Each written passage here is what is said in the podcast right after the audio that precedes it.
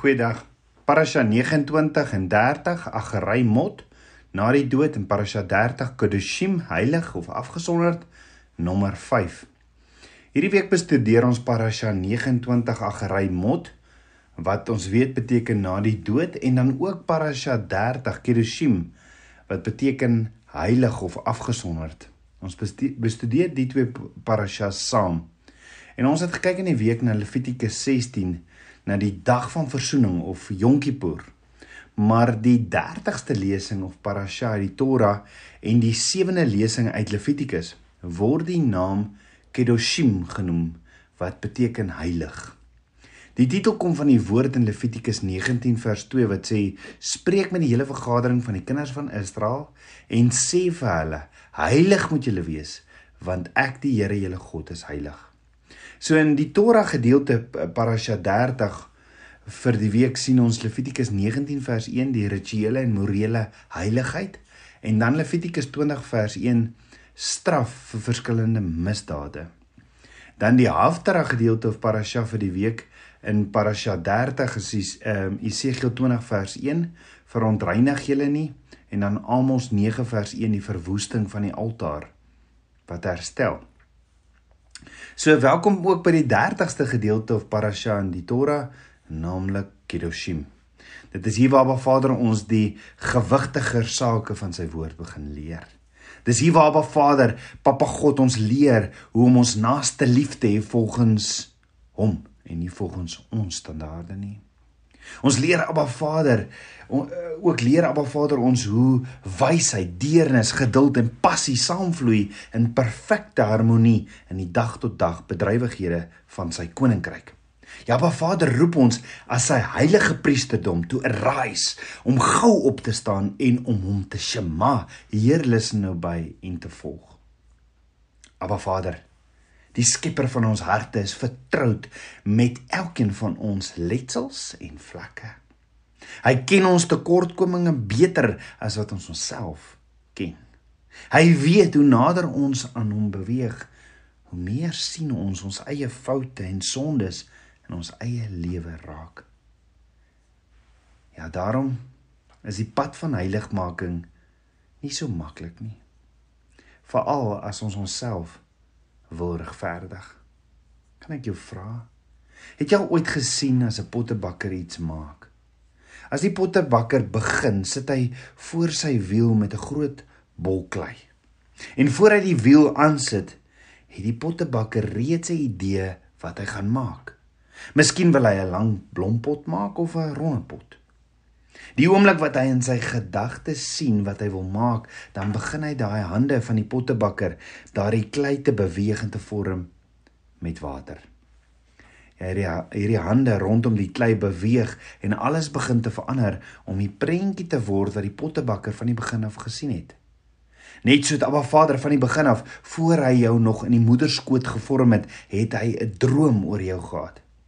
Toe Abba Vader jou geskape het, het hy jou perfek geskape sodat jou naam in die boek van die lewe opgeskryf sal word. Dit was Abba Vader se droom vir jou lewe om saam met hom die ewige lewe in te wandel. Maar wat verander hierdie prentjie?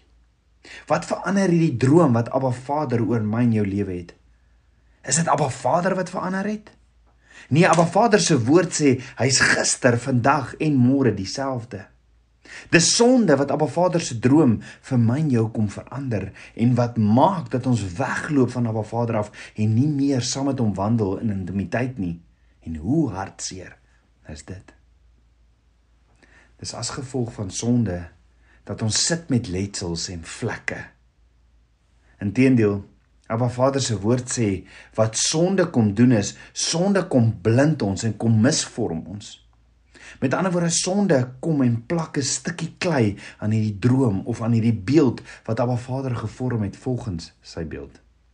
Sonde kom plak jaloesie, woede, bitterheid, onvergewensgesindheid aan hierdie droom wat Abba Vader vir ons het en so word ons heeltemal misvorm en ons lyk nie meer soos wat Abba Vader ons gemaak het nie. Ons voel of of sien dan nie daardie droom wat Abba Vader vir ons het nie. En Abba Vader sê keer terug.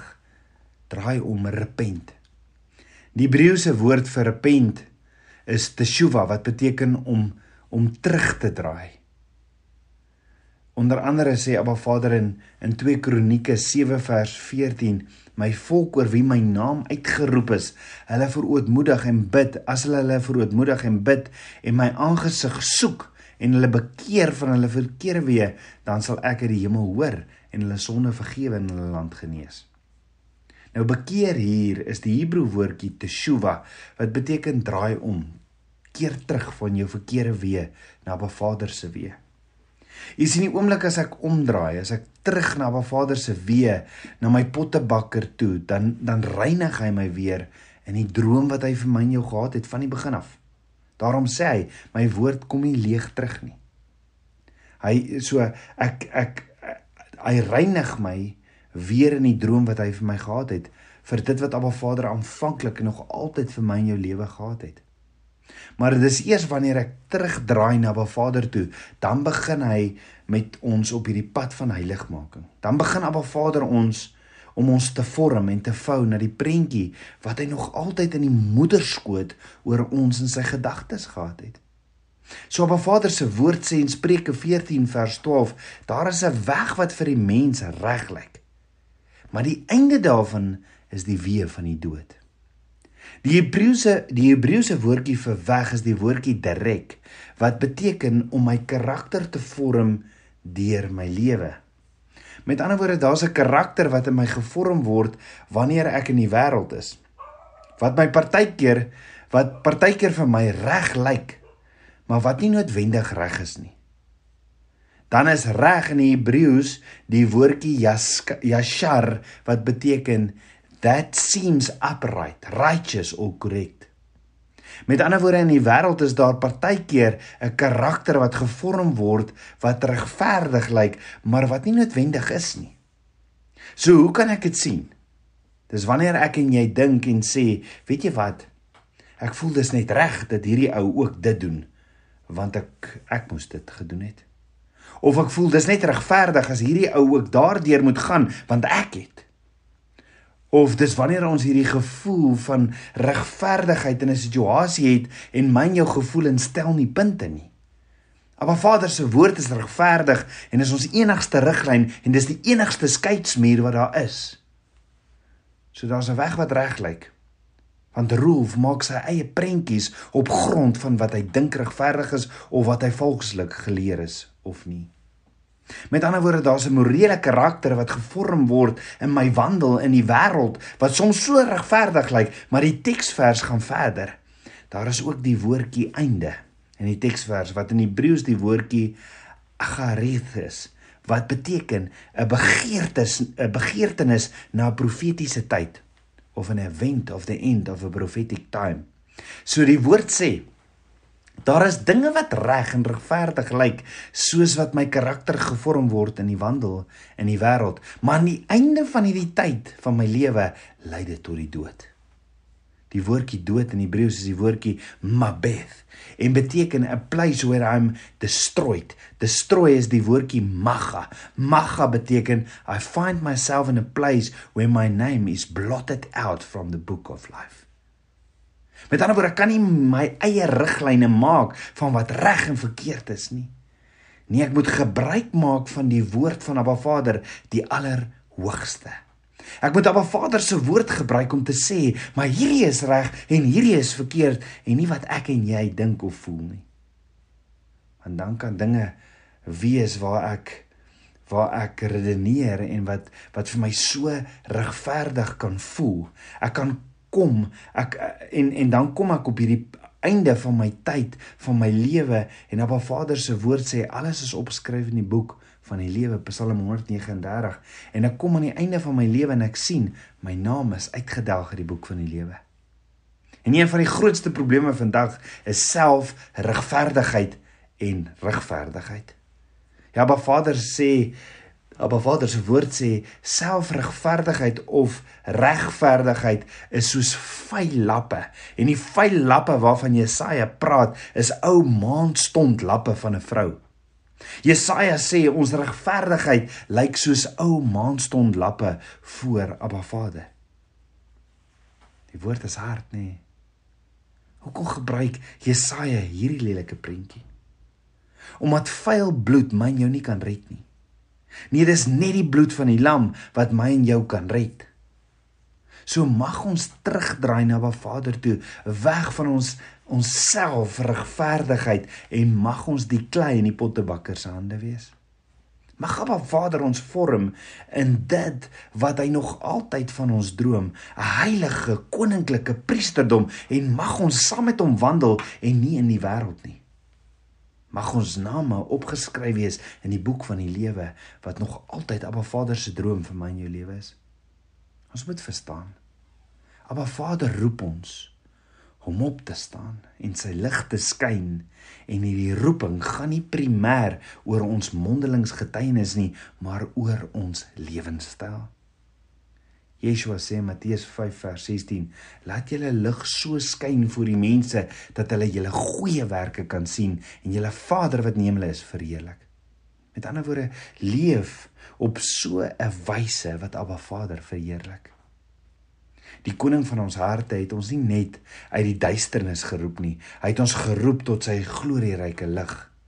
En Jesaja 42 vers 6 tot 7 sê: Ek die Here het u geroep in geregtigheid en ek vat u hand en behoed u en gee u as verbond van die volk as 'n lig vir die nasie om blinde oë te open om gevangenes uit die kerke uit te lei uit die gevangenes diegene wat in die duisternis sit En hoe skop ons nie hierteen nie? Dan uh uh dan sê dieselfde Jesaja 12 eh, vers 3 sê en die verstandige sal glinster soos die glans van die uitspansel en die wat baie tot regverdigheid lei soos die sterre vir ewig en altoos. Dit was ook die hart van Paulus se boodskap want hy sê in Filippense 2 vers 12 tot 15 daarom my geliefdes soos julle altyd gehoorsaam gewees het, nie in teenwoordigheid alleen nie, maar baie meer nou in my afwesigheid. Werk julle eie heil uit met vrees en bewing, want dit is God wat in julle werk om om om te wil om te wil sowel as om te werk na sy welbehae. Doen alles sonder murmurering. Doen alles sonder teespraak sodat jy onberispelik en opreg kan wees, kinders van God sonder gebrek te midde van 'n krom en verdraaide geslag onder wie jy skyn soos ligte in die wêreld. Jy sien die soort heiligheid wat Abba Vader vir ons in gedagte het, is nie iets wat bereik word nie. Dit is dit is eerder iets wat ontdek en gekoester word. Ja, Abba Vader se verbondsroeping is 'n oproep tot 'n reis van groot ontdekking en verandering. Ja, soos die grond waar Abba Vader met Moses gepraat het deur 'n brandende bos heilig geword het so moet ons brand en heilig word vir Abba Vader. Want sien die eerste keer waar die woord heilig in Hebreëus kadosh gebruik word in Eksodus 3 vers 5 wat sê moenie nader kom nie. Trek jou skoene van jou voete af want die plek waar jy op staan is heilige grond. Maar Vader het vir Moses gesê dat hy sy skoene moet uittrek want die plek waar hy gestaan het was Kadosh heilige grond. En reg hierdie woord verteenwoordig die uittrek van jou skoene om jou wil hierdie eie ek neer te lê. Met ander woorde dit waartoe Abba Vader ons roep om heilig te wees. Net te doen en ook met eh, met die neerlê van jou eie regverdigheid. Die eie ek Die Hebreëse byvoeglike naamwoord kadosh is afgelei van die Hebreëse werkwoord wortel kadash. Die werkwoord word die eerste keer in Genesis 2 vers 3 gebruik waar daar staan en God het die sewende dag geseën en dit geheilig omdat hy daarop gerus het van al sy werk wat God geskape het deur dit te maak. Maar Vader het nie net sy Sabbat gesien nie, maar ook geheilig. Ons kinders sien om heilig te wees is nie om soos ander mense te wees nie, maar om duidelik anders te wees, afgesonderd van Ba Vader. Ja, Ba Vader wil hê dat ons anders moet wees. Ons moet verander soos die grond verander het waarop Moses gestaan het in die woestyn, na heilige, afgesonderde grond for his use only. Maar Vader wil hê ons moet afgesonderd wees vir hom. En is jy gereed vir die soort heiligheid wat Abba Vader vir jou in gedagte het. Abba roep jou. Hy roep ons nie om net dit te doen om die hemel te bereik nie.